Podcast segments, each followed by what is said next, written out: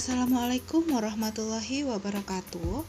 Setelah bab 4 tuntas, kalian mempelajari mengenai daya tarik wisata dan dokumen perjalanan wisata. Semoga kalian memahami materi yang ada di bab 4 ya. Kalau masih kurang paham, boleh deh dibaca-baca lagi LKS-nya. Kemudian boleh deh uh, video yang pernah saya share waktu kemarin itu boleh dilihat-lihat lagi. Mungkin nih ada yang yang kepingin banget untuk uh, mengurus dokumen wisata. Nah silahkan dilihat lagi dan dicek kembali syarat-syaratnya dan prosedurnya seperti apa. Oke kita sekarang lanjut masuk pada bab baru yaitu bab 5 yaitu tentang usaha jasa dan sarana pariwisata jadi ini ada dua ya. Kita akan membahas usaha jasa pariwisata dan usaha sarana pariwisata. Oke ya. Uh, kita mulai. Semoga kamu bisa mendengarkan dengan baik, mendengarkan dengan seksama, pahami apa yang saya ulas. Sebenarnya yang saya ulas ini juga berdasarkan dari, berdasarkan dari LKS yang kalian miliki ya jadi bisa sambil dibaca-baca LKS-nya Nah, apa yang ada di benak kamu saat kamu mendengar kata usaha jasa dan sarana pariwisata? Mungkin yang dalam pikiran kamu itu yang kamu pikirkan ya hotel, agen perjalanan, rumah makan, dan lain sebagainya ya. Sebenarnya usaha jasa dan sarana pariwisata tidak hanya usaha yang kamu pikir itu tadi, masih banyak usaha jasa di bidang pariwisata yang telah berkembang saat ini.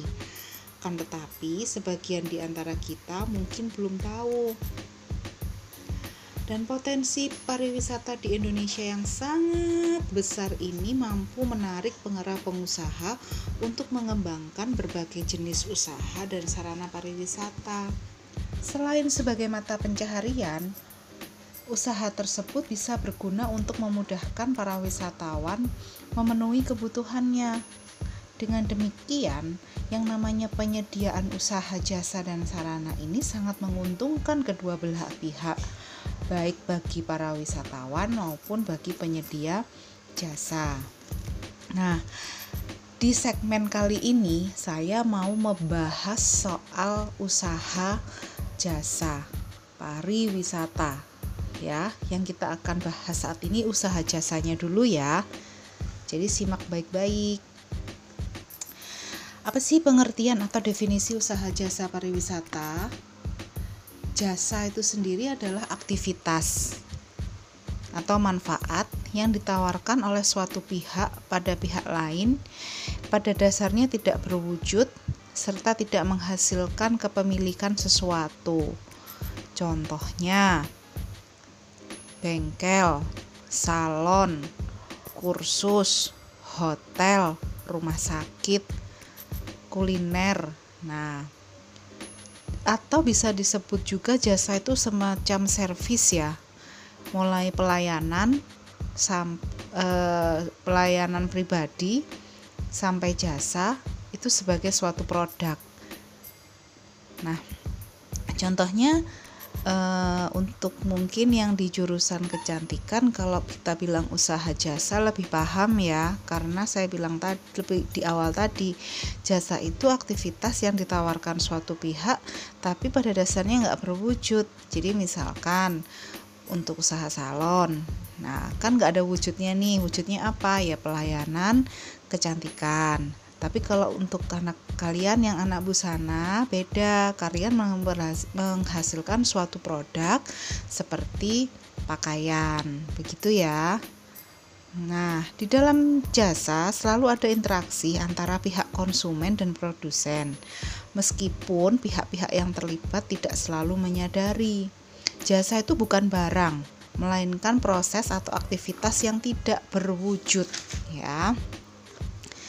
Nah, sementara menurut Undang-Undang Republik Indonesia Nomor 9 Tahun 1990 tentang kepariwisataan, usaha pariwisata itu adalah kegiatan yang bertujuan menyelenggarakan jasa pariwisata atau menyediakan atau mengusahakan objek wisata dan daya tarik wisata. Usaha sarana pariwisata dan usaha lain yang terkait dengan bidang tersebut. Sementara itu, menurut Bagiono, Usaha jasa pariwisata adalah suatu usaha bisnis yang kegiatan utamanya meliputi jasa-jasa pariwisata kepada wisatawan, baik domestik maupun mancanegara. Nah, dari sini akan saya bahas yang disebut jenis usaha pariwisata itu apa saja. Yang pertama ada Biro Perjalanan Wisata atau BPW. Kemudian yang kedua ada agen perjalanan wisata. Terus ada jasa pramu wisata. Yang keempat, ada usaha jasa konvensi, perjalanan intensif, dan pameran. Ada usaha jasa impreseta, impres satari, sariat, kemudian usaha jasa konsultan pariwisata. Yang terakhir ada usaha jasa informasi kepariwisataan. Saya ulas dikit-dikit ya, mulai dari yang pertama yaitu Biro Perjalanan Wisata. Biro Perjalanan Wisata menurut ahli yang bernama S Dharma Damarjati adalah perusahaan yang khusus mengatur dan menyelenggarakan perjalanan dan persinggahan orang-orang termasuk kelengkapan perjalanannya. Dari suatu tempat ke tempat lain, baik di dalam negeri maupun dari dalam negeri ke luar negeri maupun dalam negeri itu sendiri. Contohnya, ini ada PT Dwidaya Worldwide, PT Look Asia Bali Holiday dan lain sebagainya. Fungsi Biro Perjalanan Wisata itu untuk menyiapkan dan menguruskan perjalanan seseorang ya kemudian sebagai perantara antara wisatawan dan perusahaan industri pariwisata kegiatannya di dalam usaha biro perjalanan wisata ini apa nih ya yang pertama merencanakan dan mengemas komponen-komponen perjalanan wisata yang meliputi sarana wisata, objek, daya tarik wisata, jasa pariwisata lainnya dalam bentuk suatu paket ya, paket wisata. Yang kedua, kegiatan lainnya adalah penyelenggaraan dan penjualan paket wisata dengan cara menyalurkan melalui agen perjalanan wisata. Kemudian penyediaan layanan pramu wisata yang berhubungan dengan paket wisata yang dijual. Keempat, penyediaan layanan angkutan wisata. Pemesanan akomodasi, restoran, dan lain sebagainya. Pengurusan dokumen perjalanan berupa paspor dan visa serta yang lainnya kemudian penyelenggaraan perjalanan ibadah, perjalanan dan perjalanan insentif. Gitu ya. Jadi saya ulangi lagi, yang namanya Biro Perjalanan Wisata itu perusahaan yang khusus mengatur dan menyelenggarakan perjalanan dan persinggahan orang-orang termasuk kelengkapan perjalanannya dari suatu tempat ke tempat yang lain ya. Yang kedua adalah agen perjalanan wisata atau travel agent. Itu merupakan usaha jasa perantara yang bertindak menyediakan pelayanan yang berkaitan dengan penyelenggaraan wisata. Usaha, agen perjalanan wisata tidak memiliki produk tapi menjual produk usaha lain misalnya hotel, restoran, penerbangan, dan paket wisata. Tadi yang menyiapkan paket siapa ya? Masih ingat yang menyiapkan paket? Ya, Biro Perjalanan Wisata. Kalau agen perjalanan wisata itu usaha jasa perantara, dia hanya sebagai perantara. Yang namanya agen itu adalah perantara. Ya, usaha agen perjalanan wisata ini diselenggarakan dalam bentuk badan usaha perseroan terbatas atau koperasi. Syaratnya harus memiliki syarat mendirikan usaha ini adalah Salah satunya memiliki tenaga profesional dalam jumlah dan kualitas yang memadai. Nah, sekarang saya cerita ini kegiatannya apa aja. Yang pertama, merencanakan dan mengatur suatu perjalanan termasuk akomodasi dan produk-produk lain yang berhubungan dengan wisata memberikan informasi dan penjualan langsung kepada masyarakat untuk paket wisata maupun tiket transportasi, hingga pengurusan visa dan paspor. Ketiga, sebagai perantara di daerah asal wisatawan, seperti melengkapi informasi bagi wisatawan, memberikan saran bagi calon wisatawan, serta menyediakan tiket. Keempat, sebagai perantara di daerah tujuan seperti memberi informasi bagi wisatawan, membantu reservasi sehingga memesan tiket tanda masuk. Jadi kalau saya bilang biro dan agen ini kurang lebih hampir sama ya. E, mungkin yang membedakan adalah kalau biro perjalanan wisata itu menyiapkan paketnya. Kalau yang agen itu usaha perantara antara wisatawan dan Biro Perjalanan Wisata.